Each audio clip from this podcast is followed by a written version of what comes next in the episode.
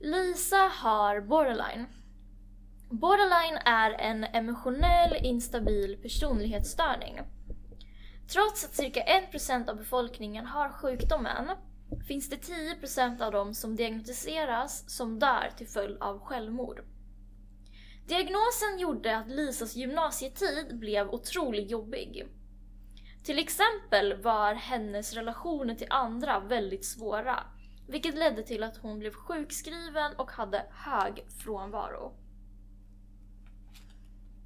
Men förutom de tuffa symptomen med diagnosen finns det många med borderline som har flera positiva kvaliteter och styrkor. Till exempel bryr sig Lisa väldigt mycket om det hon gör och studerar. Idag sitter hon med mig några dagar innan hon ska flytta till London och studera på UCL, ett av de bästa universiteten i världen.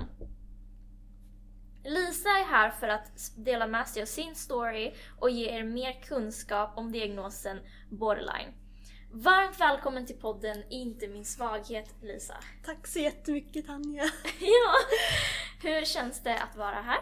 Jo, det känns bra. Jag är lite nervös för att jag tror inte så många vet om det här om mig.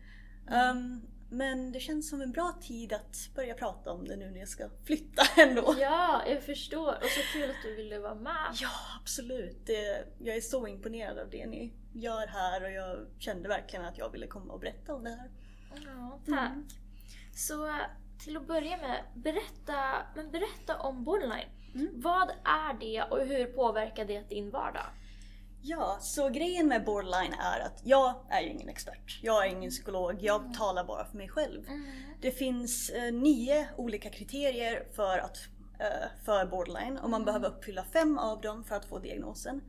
Vilket innebär att det finns 256 olika sätt att ha borderline. Oj.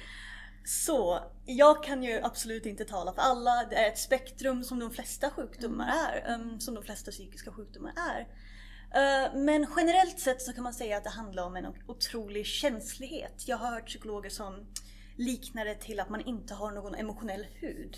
Aha. Så det är som att ja, men, om man inte har någon hud och någon tar på en så gör det ju jättemycket ondare än vad det gör för någon som har den här tjocka huden. Det här skyddslagret. Um, så det är det och det kommer oftast från både ens genetiska uppsättning, många har också haft alltså, trauma i barndomen, Uh, och, det, och det har liksom utvecklats till uh, ett, uh, ja, en extrem känslighet till saker och ting. många har också identitetsförvirring, mm. att man inte riktigt vet vem man är, vad man vill. Um, man, många har svårt i relationer, det går upp och ner i relationer. Mm. Um, och man har svårt att liksom vara, vara kvar med någon länge eftersom att man alltid är rädd att de ska såra en eller sådant. Då um, förstår jag vad du menar med kopplingen till barndomen. Exakt. Om man har trauman och då blivit Exakt. Eh, det är, ja, det är jättemånga mm. som har haft trauman i barndomen.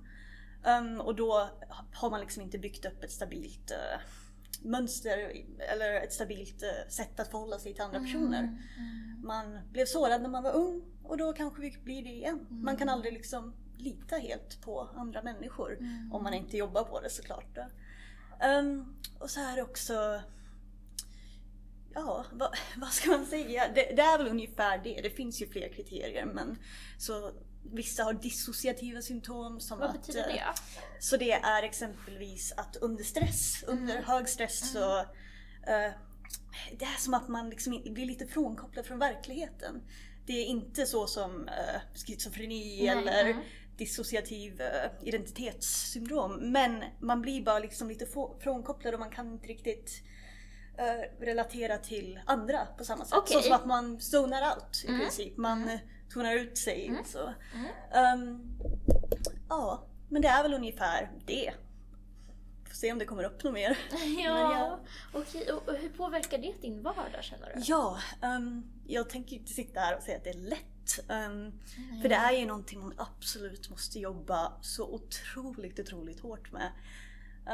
Det är ju allt som när man pratar man, med sina vänner och så mm. tänk, om de säger någonting som är liksom lite fel så tänker man bara åh nej, de tycker inte om mig längre. Ah, du menar så, så Exakt. Extra känsligt till kritik? Typ. Exakt. Ah. Ehm, ja men som till exempel när jag gick, när jag gick på gymnasiet Mm. och jag fick liksom dåligt betyg på, ett, Mm. eh, på en uppgift och lärarna säger det på ett lite, lite speciellt sätt Ja, som jag precis. tolkar som fel. Mm. Så kan det liksom förstöra hela min dag. Eh, jag kan tänka att jag liksom, ja men nu, jag, jag är helt värdelös. Liksom. Mm. Ehm, och det är bara det att vanligtvis är det helt okej. Mm. Vanligtvis så ehm, påverkar det inte mig jättemycket men Nej. bara helt plötsligt Ja, så kan det bara gå ner. rakt ut för Ja. och det är då man börjar ehm, ja, men övertänka och få de här extrema känsliga reaktionerna helt Mm. enkelt. Så ja, det är väl bara helt enkelt att man går runt hela tiden och väntar på nästa, Ja, jag förstår. Så nästa är det mycket typ så här uh, upp och nedgångar? Typ, Absolut, det är ju ett av kriterierna att man eh, får eh, man, man kan tänka det lite som snabb bipolär sjukdom. Eh, Okej, Att det är, mm. Fast det är inte så höga Nej. toppar heller. Um, men att eh, när man får de här känsliga utbrotten eller vad man ska, nu ska Mm. säga. um, så varar det liksom i kanske några timmar, ibland några dagar. Oj! Um, men det går liksom över Mm. efter det och för Mm. mig är det oftast två, tre timmar nu för tiden. Okej. Jag har kortat ner det otroligt mycket. Ja. Ehm, men ja, det är absolut så många toppar och dalar. Och eftersom att vi får så pass st- starka känslor så får vi också ganska starka positiva känslor. ja, okej. När Mm. vi känner kärlek så känner vi jättemycket kärlek och det är ju inte falsk kärlek alls utan Nej. det är bara Mm. liksom mer. När vi känner glädje så uppskattar vi jättemycket mer så det blir väldigt mycket upp och ner, absolut. Men jag tycker det är livet lite kul också. Det gör det? ja, På ett vilket sätt?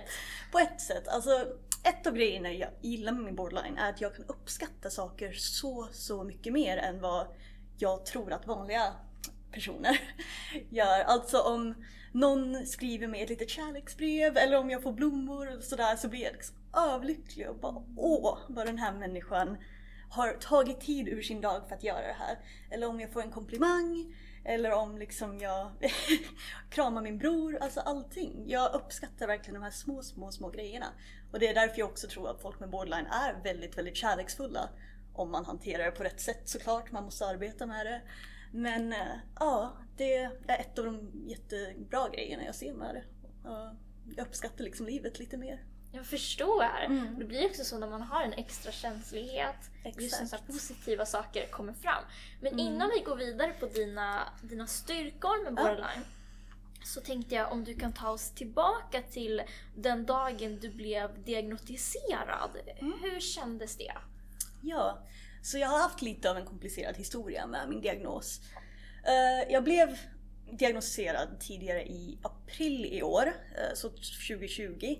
Ehm, men de har liksom misstänkt diagnosen sedan jag var 15. Um, ehm, Så jag visste ju liksom nästan om att jag hade den, men ingen satte den ordentligt för det är också svårt att sätta diagnosen på barn. Så de väntade med att jag var, eh, hur gammal var jag? Jag var 20 då. Um, så, men det var, först när de tog upp det när jag var 15 minns jag att det var en sån otrolig lättnad. Jag hade aldrig ens hört talas om borderline innan.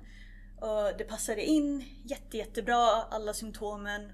Och jag tänkte liksom wow, det är inte bara jag som har depression men ännu krångligare utan det är en sjukdom av sig själv. Det finns studier om det, det finns böcker att läsa, det finns eh, allt möjligt som man kan göra för att förbättra det helt enkelt. Eh, men sen så när man googlar efteråt, det är där, då som det faller ner lite grann. För det finns otrolig stigma runt sjukdomen borderline. Eh, jag minns att jag har läst i böcker att eh, många läkare säger till sina patienter, nej gå inte hem och sök på det här. För då, är det, då kommer det upp liksom, ah, en av tio dör. Det är ju inte kul att höra om sig själv.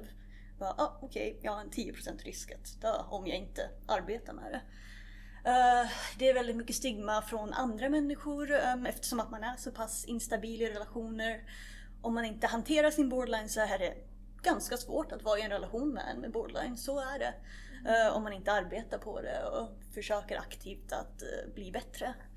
Men ja, så det var liksom både väldigt positivt och negativt. Ehm, men jag har väl sedan dess insett att det är någonting man helt enkelt får leva med. Jag kan inte gå runt och låtsas som att jag inte har det utan Jag har det och alla får liksom olika kort i livet och det är det här jag måste göra, leva med. Ja, verkligen. Men hur var det? Tog det tid för innan du kunde acceptera att du... Um, som sagt, de hade ju misstänk, äh, misstänkt det sen jag var 15 ungefär. Så då hade, på de där fem åren hade jag liksom, uh, vad heter det? Känt av? Ja, alltså mm. känt att det är nog rätt. Um, och som sagt innan så visste jag inte riktigt mycket om den. Så Nej. då kunde jag acceptera det. Men sen när jag sitter och läser så här på internet om alla de här skräckhistorierna om folk som är i relationer med borderline så känner jag liksom, nej men det här kan ju inte vara jag. Jag är ju jättekärleksfull. Jag, eh, alltså, jag tycker själv att jag um, har många positiva kvaliteter som flickvän och vän och sådär. Um, men så det, det är ju lite svårt att acceptera men nu är det så och så är det ju också bra att jag och andra borderlines finns för att, uh, vad ska man säga, uh, motverka de här fördomarna som mm. finns. För det finns ju så otroligt många uh, framgångsrika och snälla och vänskapliga människor som har det. Jag förstår precis mm. vad du mm. menar. Exakt. Och det där är verkligen det största misstag man kan göra, att googla om sin diagnos. Jag har också gjort det. Uh. Gör inte det, ni som har en diagnos och lyssnar. Verkligen uh, inte. Men du, kan du berätta om mm. det här som du sa till mig om Flashback? Ja, ja, men jag satt någon dag på Flashback för att jag vet inte varför. Um, och jag sökte på borderline, bara, men jag, jag, kan väl kolla om någon har liksom tips eller någonting. Inte för att man ska lyssna på Flashback men jag ville lyssna se vad de sa. Lyssna inte på Flashback. Nej, gör inte det snälla. Uh, men så var det någon som skrev om en relation med en borderline. Han bara, ah, men jag har dejtat den här tjejen i sju månader nu och jag har fått reda på att hon har borderline. Vad ska jag göra? Och så, alltså jag skulle säga att 90% av svaren var, ja ah, men gör slut med henne. Det kommer aldrig fungera. Det kommer aldrig att uh, bli bättre. Och då tänker jag bara, det är så sjukt för mig för jag tänker bara ungefär 1% av befolkningen har borderline. Mm. Och att bara 1% av befolkningen helt enkelt, de ska inte få någon kärlek. Det, det går inte med dem. Det, det är så otroligt skevt eh, i min syn. Eh, absolut att det är svårt men man kan arbeta på det. Um, det är många som lyckas och för de flesta med borderline så brukar symptomen faktiskt eh, bli bättre ungefär vid 30-årsåldern. Det är liksom någon mogningskurva kan man säga. Um, ja, terapi finns som man kan gå som hjälper för jättemånga. Det, ja, jag tycker bara att det är helt absurt att säga att nej, man ska aldrig vara i en relation med någon med borderline för det, nej. Nej. Det Vad inte. jobbigt det måste vara för dig att läsa och se alla de där kommentarerna. Absolut. Jag tänkte ju bara, för jag har ju pojkvän och jag tänkte bara, ha, skadar jag honom så mycket? Alltså, tycker han att det är jätte, jättejobbigt. Men sen inser jag att han är ju en vuxen person. Han kan göra sina egna val. Om han inte ville vara med mig så skulle han inte vara det. Nej. Men absolut att det är jobbigt att höra att man är något så monster och man förtjänar ingen kärlek. Ehm, det är jätte, jättekonstigt men allt jag kan göra är att vara det bästa som jag kan vara själv. Liksom och försöka motverka de här fördomarna helt mm, enkelt. Precis. Och jag tänkte på det som du sa med, mm. med kärlek, att det är många med olika diagnoser som känner att de inte kommer få uppleva någon kärlek mm. på grund av sin diagnos. Kan du berätta om relationen till din pojkvän? När berättade ja. du om din diagnos? Hur kom det fram? Absolut. Så jag gick i, vi hade långdistansförhållande i början och jag gick i terapi varje tisdag. Um, DBT-terapi som är liksom specifikt med dem med borderline. Det här var till och med innan min diagnos men jag gick den ändå. och då eh, var det liksom att vi slutade smsa på tisdagar och så sa jag bara ah, men jag har en grej att göra, jag berättar för dig sen. Eh, och då började jag liksom att berätta att jag har haft lite psykisk ohälsa. eh, jag har inte haft en bra relation med min pappa när jag var liten och inte särskilt bra nu heller. Jag blev ganska mobbad på en skola här i Falun. Um, så jag har liksom lite trauma eh, bakom mig. Så jag berättade det och att det har lett till att jag har psykiska problem nu men att jag arbetar verkligen på dem. Så jag berättade kanske inom en månad eller någonting för jag kände liksom nej jag vill få ut det här um, fort annars så han kan liksom göra sina beslut.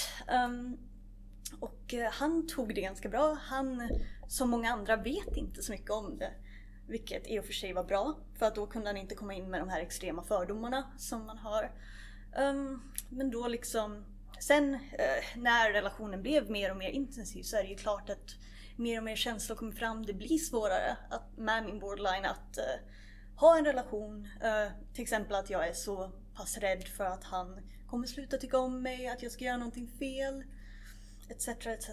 Men det vi har gjort är liksom att vi båda har läst på jättemycket. Han har varit helt fantastisk med att uh, vilja läsa på om sjukdomen och vilja um, ta de steg som krävs från honom. Även om det finns ansvar, det mesta av ansvaret är mitt, så ville han verkligen hjälpa till. Och, så, um, och då har vi helt enkelt kommit till en plats där jag tror vi båda har väldigt, väldigt um, klara förväntningar från varandra. Vi vet vad som krävs för att den andra ska känna sig älskad. Um, men alla passar inte att dejta en borderline, det gör det inte. Man måste liksom hitta en person som är villig att lägga ner den här tiden och arbeta tillsammans med varandra. Um, det var också en grej som vi, för efter, först av allt så började vi liksom, uh, när det blev lite svårt i vår relation så tänkte vi um, ofta, då var det ju, då tänkte vi att det var jag mot han. Att det var vi som bråkade, det var vi som hade det svårt. Men sen efter ett tag började vi inse att det är ju vi mot sjukdomen. Så vi arbetar så istället. Mm. När det blir jättesvårt för mig så tänker vi okej, okay, det här är min borderline. Vi kan ta oss igenom det här, vi pratar om hur vi kan motverka de här extrema känslorna, uh, hur vi kan ta oss igenom det tillsammans och det har funkat jättebra sen dess. Men gud vad bra! ja, nej jag är jätteglad. Gud vad bra att ni, att ni gör så. Mm. Jag tänker vilken fin beskrivning du gjorde. Ja. Det är vi mot sjukdomen. Absolut. Som du sa, det är ju så många som känner men fan, åh oh gud vad den här personen är jobbig. Mm. Men sen så när man tänker men vi gör det här tillsammans, för som du sa borderline, det är inte så mycket man kan påverka. Nej, verkligen inte. Man kan gå i terapi, man kan ta sitt ansvar men man kommer ändå ha den här känsligheten. Men bara man vet att det... Vi brukar också separera på att det, det är inte jag i grunden som är så här. Vi har Lisa som är eh, trevlig och snäll och omtänksam och sen så har vi den här jättekänsliga Lisa som vi nästan ser som en annan person. Alltså som om... Eh, ja, det är liksom en annan del av mig och på det sättet så känner jag inte att det är fel på mig. Jag känner inte att det är jag, jag, jag som har um, som är liksom en hemsk människa. Utan vi arbetar tillsammans med det helt enkelt. Mm. Det är jättebra. Jag förstår vad du menar mm. och vad skönt att ni har kommit till den punkten och att ni tränar på det. Mm. Jag tänker på det som du berättade om det här med rädsla för att bli övergiven och rädsla för att inte bli omtyckt och sådär. Mm. Känner du att du har kvar de där känslorna ännu idag? Ja, jag, jag har det. Absolut. Um, men just med min pojkvän så har vi nog gått igenom så pass mycket. Så jag tänker bara, men han har gått igenom allt det här för mig. Då är det ju antagligen så att han älskar mig. Men det gör mina vänskapsrelationer jättesvåra faktiskt. För det är ju också vänskapsrelationer som jag haft mest trauma med i barndomen med mobbningen och sådär. Um, så det, ja, nej, det otroligt, jag, jag, tänker ofta så om vänner att uh, åh nej, nu har jag sagt något fel, nu kommer vi aldrig vara vänner igen, vi kommer aldrig ses igen. Okej. Okay. Mm. Och innan vi går in på Jo men då tycker jag vi går in på dina vänskapsrelationer. Ja. Visst. Um, ja.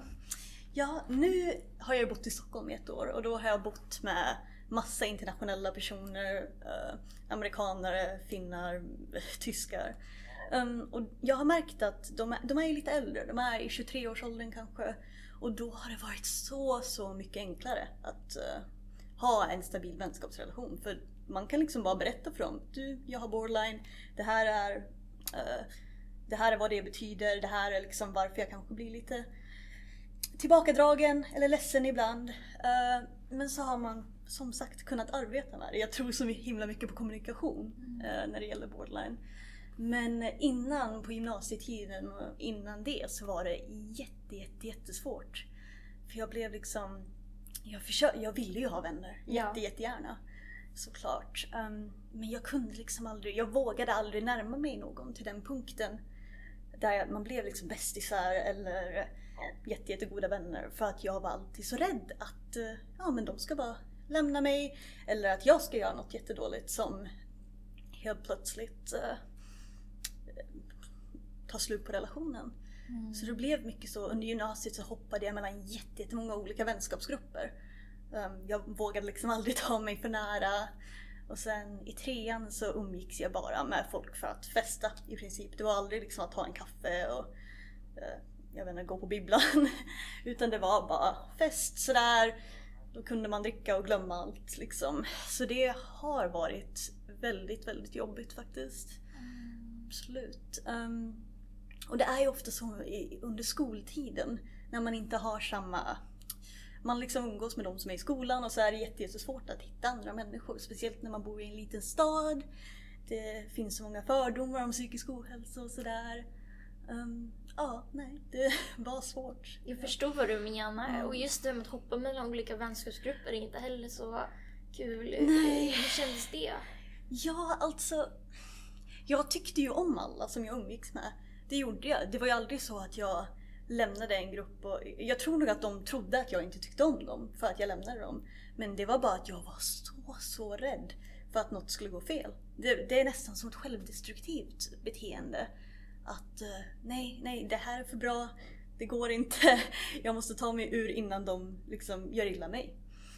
Mm. Um, men sanningen är ju att jag verkligen tyckte om alla de här personerna och de var ju helt underbara medan jag antagligen bara verkade otrevlig och liksom bara stack ifrån dem. Men ja, nej det gjorde ju att jag inte riktigt hade några um, stabila vänskapsrelationer under gymnasiet. Jag hade ju liksom några sådär som jag kunde be om hjälp lite då och då men inget så riktigt stabilt skulle jag säga. Och så det, ja, nej det var bara jobbigt. Nej, jag förstår. Och kände du någon vändpunkt efter gymnasiet med dina relationer? Absolut. Um, jag vet inte exakt vad det var som gjorde så. Um, jag flyttade till Stockholm i ett år för att plugga. Uh, det kanske var det, att det fanns liksom många fler människor att välja på.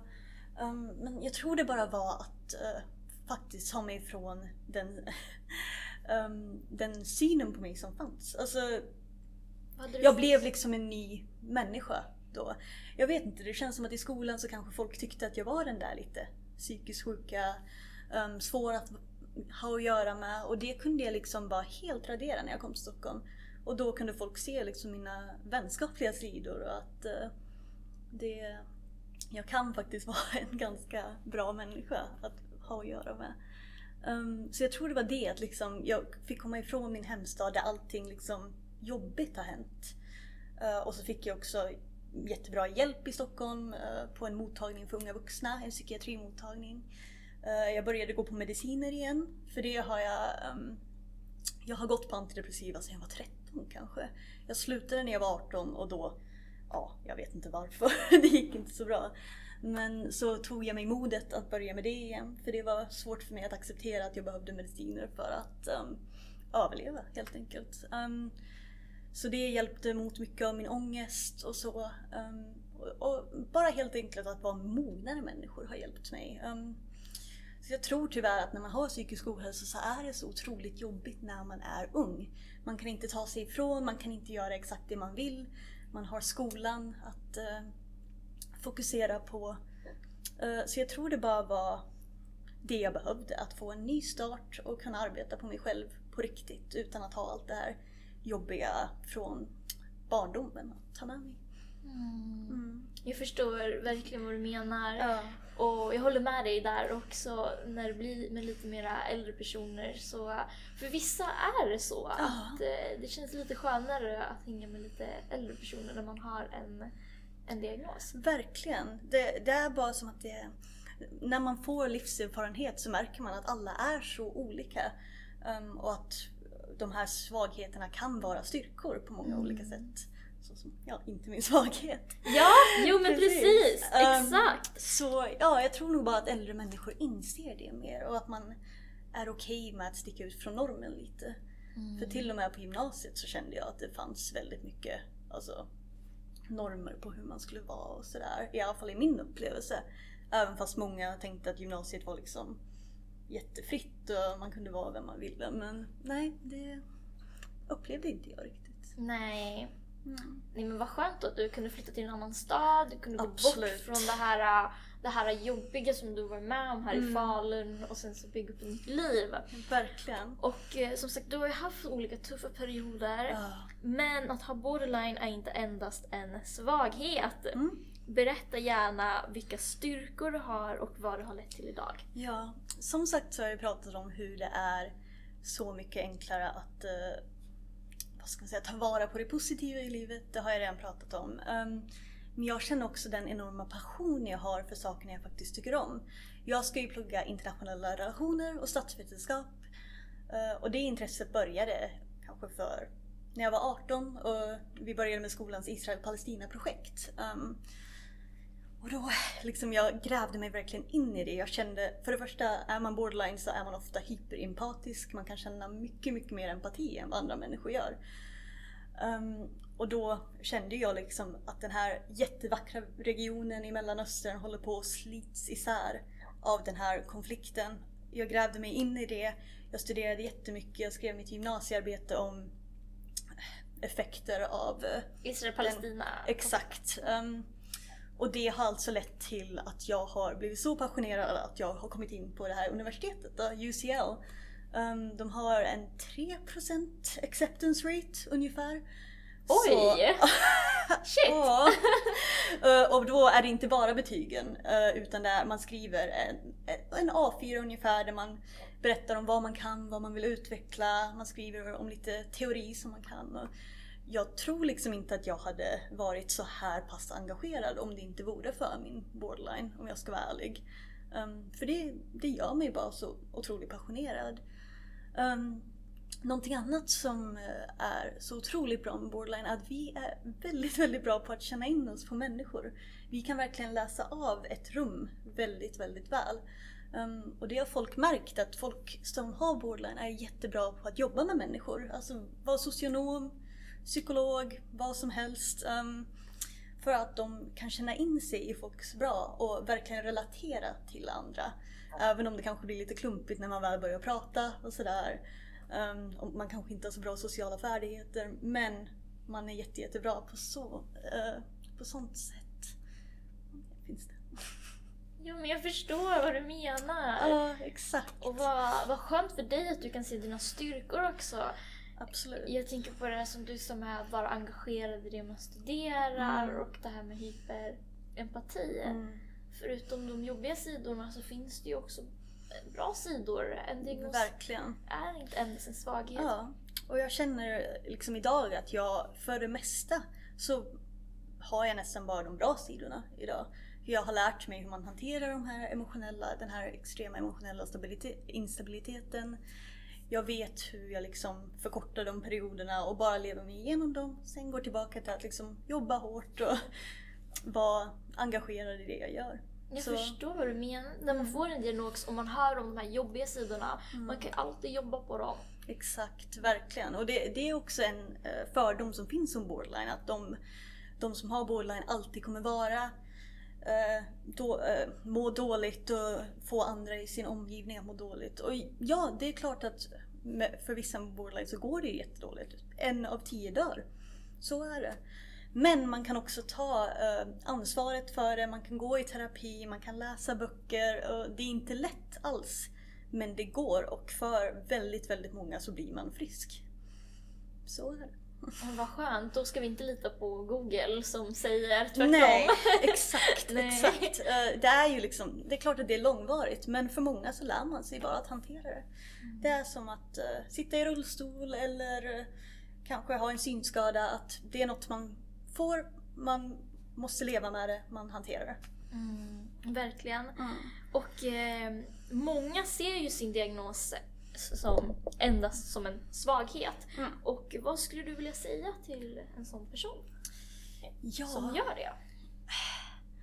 alltså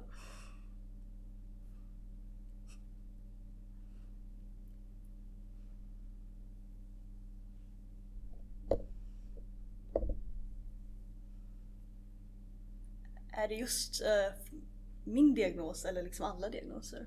Tänker du? Eh, jag tänker för om du skulle prata med ditt yngre jag. Okej. Som uh, kanske tyckte att du när du var yngre och kände Ja. av hur jobbigt det var. Vad du skulle vilja säga till dig själv då. Mm. Och till personer som allmänt ser sin diagnos som en svaghet. Behöver inte endast Ja. Eh, ja men som jag sa tidigare så är det handlar om, det här är en DBT-färdighet som man arbetar med när Och man har borderline. DBT-färdighet? Förlåt, DBT är en terapi som är dialektisk beteendeterapi. Och den eh, är den terapin som man brukar rekommendera för folk som har borderline. Um, så jag har gått den terapin två gånger så här långt. Det är liksom en hel cykel som man går igenom. Och så lär man sig jättemånga färdigheter för hur man hanterar eh, livet helt enkelt. Um, och då finns det en färdighet som heter radikal accept- acceptans. Och det är liksom fenomenet att man ska acceptera allting som det är. Man kan inte ändra på det. Allt vi kan göra är att arbeta med det, som jag sa tidigare. Um, det som är jätte, jätteviktigt är att inse att man, man skulle ju vara en helt annan person ofta om man inte har sin diagnos. Allting som vi gör, allting som har hänt oss har lett till vart vi är idag. Och om vart vi är idag är liksom, om man är nöjd med den personen man är så så är ju det bara, man kan ju, åh, gud. Ja, det här kan vi klippa bort, tack. Oj.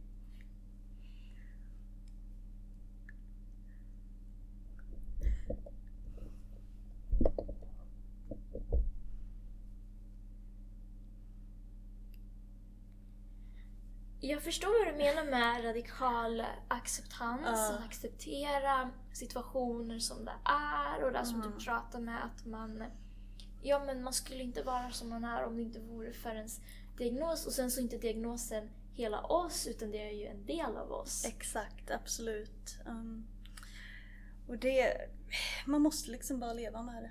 Det, det är så. Um, och det är klart att det är jätte, jätte, jättejobbigt ibland. Uh, men det gäller att hitta sina styrkor. Uh, det gäller att fokusera på dem och att inse att det är inte slutet av världen. Nej, verkligen inte.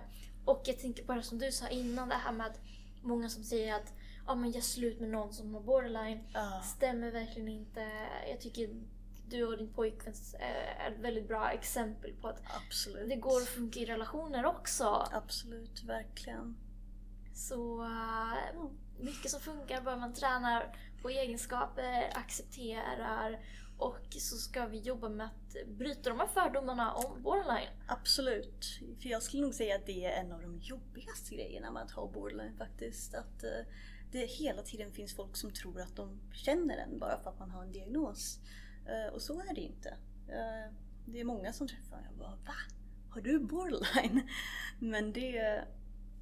Ja, det finns så många olika sätt att ha det och att det bara finns en mall för hur en borderline ser ut tycker jag är helt absurt helt enkelt. Mm. Ja verkligen, jag håller med Mm. dig. Och därför är jag så glad att du kom hit och ville vara med i vår podd och ville dela med dig din story och hur det är att ha borderline. Ja, tack så jättemycket Så- för att jag fick komma. Ja, kul att du är här! Så tusen tack Lisa för att du ville vara med i vår podd. Tack så jättemycket. Och hoppas att ni som lyssnar fått mer kunskap om borderline. Tusen tack för att ni lyssnat. Ja, tack så mycket. Hej då från studion! Hej då.